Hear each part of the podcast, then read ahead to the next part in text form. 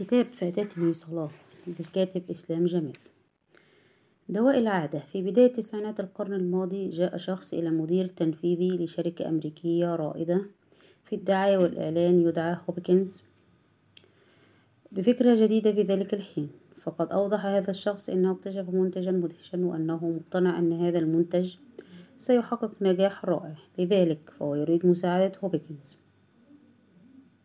للترويج والدعاية لهذا المنتج. لقد كان هذا المنتج معجونا للأسنان.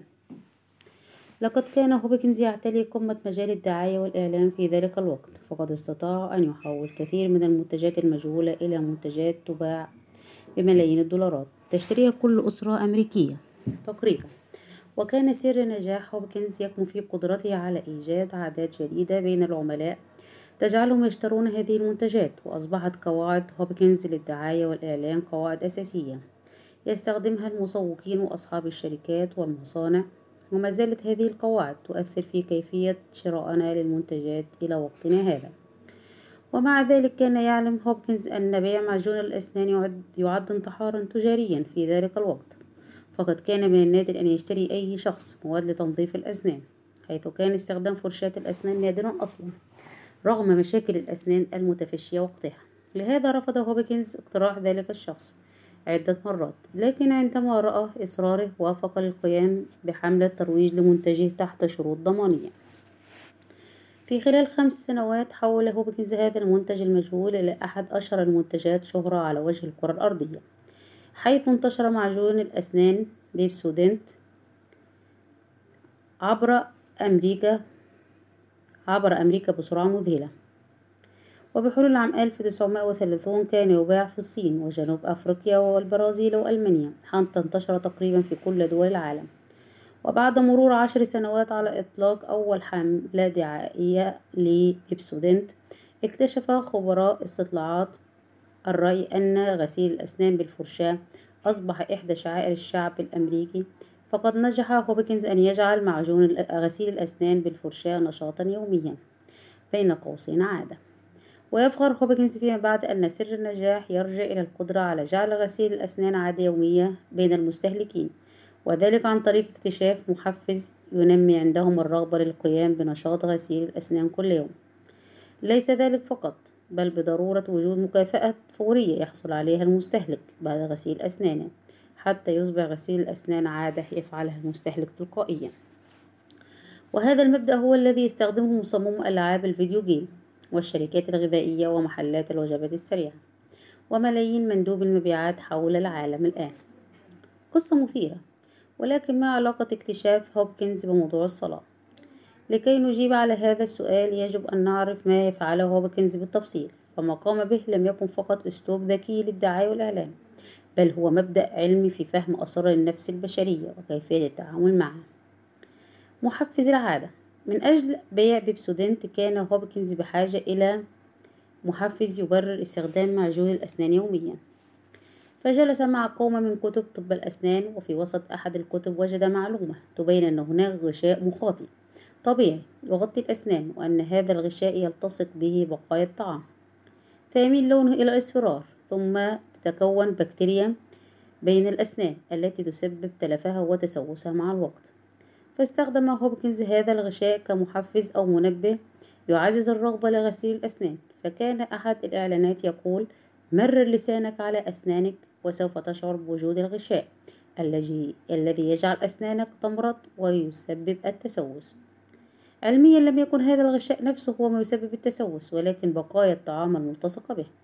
ومع ذلك استخدم هوبكنز لفظة الغشاء لسهولة الإحساس به. لذلك نحن تقريبا نجد المحفز أو المنبه في كل شيء نفعله في صورة عادة يومية فمثلا الشعور بالجوع يعتبر منبه لضرورة تناول الطعام. وبالنسبة للأشخاص ذوي الشهية تعتبر رائحة الطعام فقط أو رؤيته محفز قوي يعزز الرغبة لتناول الطعام حتى وإن لم يكن هناك شعور بالجوع. فكل عادة تفعلها إما أن يكون لها منبه أو محفز أو الاثنين معا حتى العادات الضارة.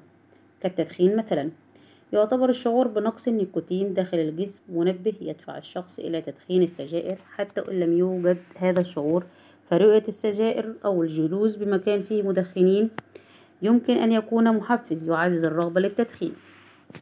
المكافأة. كان هوبكنز يعلم بضرورة وجود عامل آخر بجانب المحفز. حتى تكتمل حلقة العادة ويصبح غسيل الأسنان نشاط يومي فكان لابد من وجود مكافأة يحصل عليها المستهلك بعد استخدام معجون الأسنان تجعله يشتهي أن يستخدمه مرة أخرى.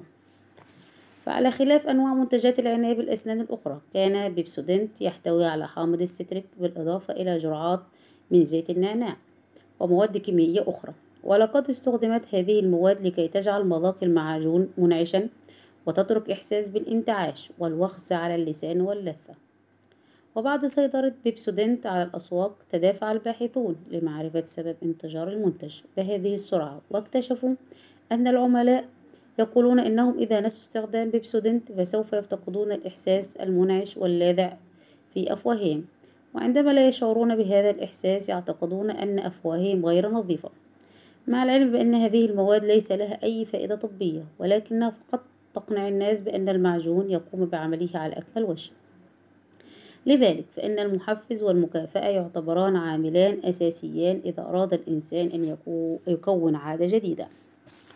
وفي دراسة قام بها الباحثو الباحثون في جامعة نيو مكسيكو على 226 شخص ممن تعودوا على ممارسة التمارين الرياضية بشكل منتظم.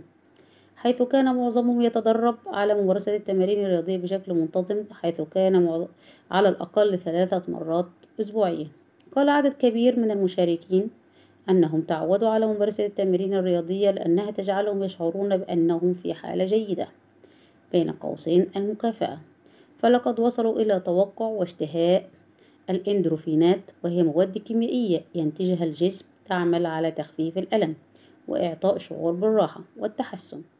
وفي مجموعة أخرى قال المشاركين أن التمارين الرياضية تمنحهم شعور بالإنجاز بين قوسين المكافأة فهؤلاء وصلوا إلى اشتهاء الإحساس المنتظم بالإنجاز والانتصار. وفي الحالتين فإن هذه المكافآت الفورية كانت سبب لأن يصبح ممارسة التمارين الرياضية عادة لدى هؤلاء المشاركين.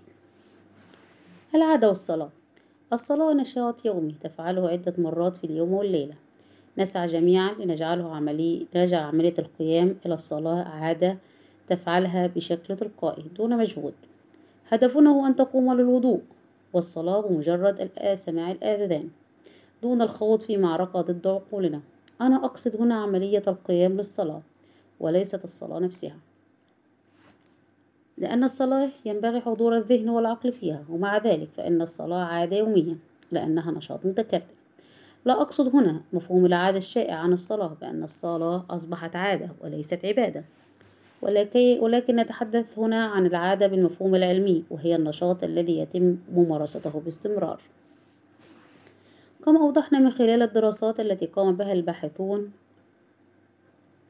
لفهم كيفية تكوين العادات تكون العادات. فإذا أراد الإنسان أن يكتسب عادة مفيدة جديدة يجب أن يتوافر المحفز الذي يعزز الرغبة للقيام بالعادة. والمكافأة التي تضمن استمرار هذه العادة. ما ذكرناه في الفصول السابقة يعتبر محفز يعزز الرغبة في القيام إلى الصلاة ولكي نضمن حفاظنا على الصلاة وانضمامنا إلى هؤلاء الذين قلما فاتتهم صلاة. جعل الله العليم لنا مكافأة فورية نحصل عليها بعد كل صلاة. تجعلنا ننتظر الصلاة بعد الصلاة ولسان حالنا أرحنا بها يا بلال. تلك المكافأة هي السكينة. أو بمعنى أدق الإحساس الذي يأتي بعد الصلاة بخشوع. حال النفس بعد صلاة خاشعة وإحساس السكينة والطمأنينة الذي يغمره هو أفضل إحساس يمكنك أن تذوقه في هذه الحياة الدنيا. العبد الفقير الذي يكتب لك هذه الكلمات لا ينقل لك نظريات أكاديمية لتجريد الواقع أو إنه يعيش منعزلا لا يدري شيئا عن متع هذه الدنيا حتى يتجاهلها كلها. بل والفضل كله لله من الله الغني علي بكثير من حلال زينة هذه الدنيا. ومع ذلك لا يماثل شعور السكينة أي شعور وكأنه دواء هذه الدنيا بزينتها لا بهجة في زينة بدونه ولا شقاء في حزن معه. أبى الله عز وجل أن تكون الدنيا مصدر للسعادة لأنه عادل وعدل فليس كل الخلق سواء في امتلاك زينة الدنيا. ولكنه العليم الخبير. جعل السعادة في السكينة وعرفنا سبيلها فمن شاء أخذ به. يسعد بها الفقير ولو لم يمتلك شيء ويشقى دونها الغني ولو امتلك كل شيء. كل نعمة في هذه الحياة الدنيا تصبح نقمة إذا حجبت عنها السكينة. جالست التائبين الذين رجعوا إلى ربهم بعد أن ذاقوا الكثير من متع هذه الدنيا حلالها وحرامه. سألتهم لما رجعوا قالوا وجدنا في القرب من الله لذة لا تعادلها لذة. إحساس السكينة بقوة الله القدير يجعلك تشعر بأنك تملك الدنيا بما فيها. يقول الشيخ محمد راتب النابلسي ينام الإنسان على الشوك مع السكينة فإذا هو مهاد وثير وينام على الحرير وقد أمسكت عنه السكينة فإذا هو شوك القطاد يعالج المرء أعصر الأمور ومعه السكينة فإذ هي هوادة ويسر. ويعالج أيسر الأمور وقد تخلت عنه السكينة فإذا هي مشقة وعسر. يخوض المخاوف والأخطار ومعه السكينة فهذه أمن وسلام. ويعبر المناهج والسبل وقد أمسكت عنه السكينة فإذ هي مهلكة وبوار. يبسط الله الرزق مع السكينة فإذا هو متاع طيب ورخاء وفير. وإذا هو رغد في الدنيا وزاد إلى الآخرة. ويمسك السكينة مع الرزق فإذا هو مثار قلق وخوف. وإذا هو مثار حسد وبغض. وقد يكون معه الحرمان يبخل ببخل أو مرض وقد يكون معه التلف بإفراط واستهتار. يمنح الله الذرية مع السكينة فإذ زينة حياة الدنيا مصدر فرح واستمتاع ومضاعفة للأجر في الآخرة بالخلف الصالح. ويمسك رحمته فإذا الذرية بلاء ونكد وعنت وشقاء وسهر بالليل وتعب بالنهار. يهب الله الصحة والعافية مع السكينة فإذا هي نعمة وحياة طيبة ويمسك سكينته فإذا الصحة والعافية بلاء يسلطه الله على الصحيح المعافى فينفق الصحة والعافية فيما يحطم الجسم ليفسد الروح ويصغر السوء إلى يوم الحساب. ويعطي الله الجاه والقوة مع السكينة فهذه أداة إصلاح ومصدر أمن ووسيلة للادخار الطيب الصالح من العمل والأثر. ويمسك سكينته فإذا الجاه والقوة مصدر قلق على, قو... على قوته ومصدر طغيان وبغي ومصدر حقد وكراهية. لا يقر لصاحبها قرار ويدخر بها للآخرة رصيدا ضخما من النار. لكن كيف السبيل إليها إذا كانت شيئا لا يثمره الذكاء؟ ولا العلم ولا الصحة ولا القوة ولا المال والغنى ولا الشهرة والجاه ولا غير ذلك من نعم الحياة المادية. الخشوع سبيل السكينة. الخشوع في الصلاة وما يولد السكينة التي تجعلك تشتاق إلى الصلاة هو دواء تلك العادة. فمعه تصبح الصلاة عبادة متجددة وليست عادة روتينية. وكما كان يظن الكثير أن أولئك الذين يحافظون على الصلاة لهم قدرات بيولوجية خاصة أو هبات سماوية. تتنزل عليهم أيضا. يظن الكثير خطأ أن الخشوع هو أمر سماوي. يؤتيه الله من يشاء ولا يؤتيه من يشاء. فيسأل كثير من الناس أين الخشوع؟ لما لا أشعر بالخشوع وأنا أصلي. لكي نعرف أين الخشوع؟ دعنا نصف أحوال بعض الناس. فمثلا إذا أردنا أن نصف شخصا سعيدا كيف سيكون حاله؟ أقول له أقول لك أنه مبتسم. مشرق الوجه متحمس. إن تكلمت معه ستعكس نبرة صوته أنه سعيد وصفات أخرى. وإذا أردنا أن نصف شخصا محبطا أقول لك حزين الوجه. يمكن أن يكون منكس الرأس. حتى إن تكلمت معه ستعكس نبرة صوته أنه حزين وصفات أخرى. إذا إذا إن إذا كنت تشاهد مجموعة من الناس وطلبت منك أن تخبرني من هو سعيد ومن منهم محبط ومن منهم نشيط ومن منهم متعب ستصفهم لي حتى وإن لم تتحدث معهم. هذا يعني أن حالة الجوارح الخارجية تعكس بقدر كبير الشعور الداخلي للبشر. فلو أنت كنت سعيد شعور داخلي ستعكس جوارحك الظاهرية إنك سعيد. ولو كنت خائف سيظهر هذا على جوارحك الخارجية. هذا معلوم. ما يخبرنا به علماء النفس أن العكس صحيح بمعنى أنك إذا غيرت من حالة جوارحك الظاهرية ينعكس هذا على شعورك الداخلي فإن كنت تشعر بالحزن والأمر نسبي يمكن لبعض التغيرات على جوارحك الظاهرية أن تبدد هذا الشعور. فتعديل وقفتك أو جلستك وتغيير تعبير وجهك والتحكم بنبرة الصوت له تأثير كبير على حالتك المزاجية والذهنية. لذلك يخضع كثير من رؤساء الدول وأولئك الذين يتولون مناصب مهمة تحتم عليهم مخاطبة العامة لتدريبات في كيفية التحكم بلغة الجسد. Body language. لأن ذلك يساعدهم على إظهار الإيجابية والثقة بالنفس وأحيانا القوة في حديثهم. ويحكى أن الفاروق عمر بن الخطاب رضي الله عنه رأى رجلا يمشي ويحني ظهره كدلالة على الزهد والورع فقال لأصحابه ما بال هذا يمشي هكذا؟ أهكذا يكون النسك بالتماوت في المشي والهيئة. ثم قال الرجل هي أم أمت علينا ديننا؟ أماتك الله اعتدل في مشيتك وأظهر عزة الإسلام. والتفت إليه أصحابه فقال ما بال أقوام حسبوا الزهد ضعفا والنسك تماوتا فإذا تحدث أحدهم خشع بصوته وإذا مشى أحنى قامته كان الفاروق عمر بن الخطاب رضي الله عنه يعلم تأثير حالة الجوارح الظاهرية على الشعور الداخلي. لذلك قال للرجل اعتدل في مشيتك حالة ظاهرية وأظهر عزة الإسلام شعور داخلي. لذلك إذا أردنا أن نصف مصل خاشعا في صلاته كيف سيكون حاله؟ ألن يكسو ذلك الرجل الهدوء؟ ألن تكون حركاته بطيئة رزينة؟ ألن تكون قراءته للقرآن قراءته مطمئنة ليست سريعة؟ ألن يكون وقت ركوعه أطول من وقت قيامه. أطول ووقت قيامه أطول ووقت سجوده أطول. ألن نلاحظ أنه يستغرق بين السجدتين وقت أطول مما يستغرقه غيره؟ وهكذا فالخشوع صفات ظاهرية في متناول كل منا. إذا حققنا تلك الحالة الظاهرية استجاب معها شعورنا الداخلي. فنخرج من الصلاة وقد غمرتنا السكينة. مسببات الخشوع. من مسببات الخشوع إبطاء.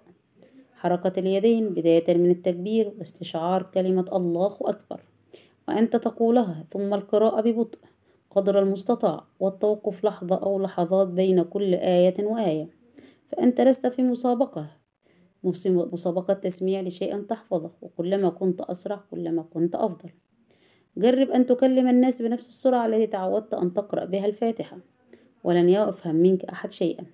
أنت في حديث متبادل مع ملك الملوك حيث ورد عن رسول الله صلى الله عليه وسلم أن الله عز وجل يقول قسمت الصلاة بيني وبين عبدي نصفين فإذا قال العبد الحمد لله رب العالمين قال الله تعالى حمدني عبدي وإذا قال الرحمن الرحيم قال الله تعالى أثنى علي عبدي وإذا قال مالك يوم الدين قال تعالى مجدني عبدي فإذا قال إياك نعبد وإياك نستعين قال تعالى هذا بيني وبين عبدي ولعبدي ما سأل.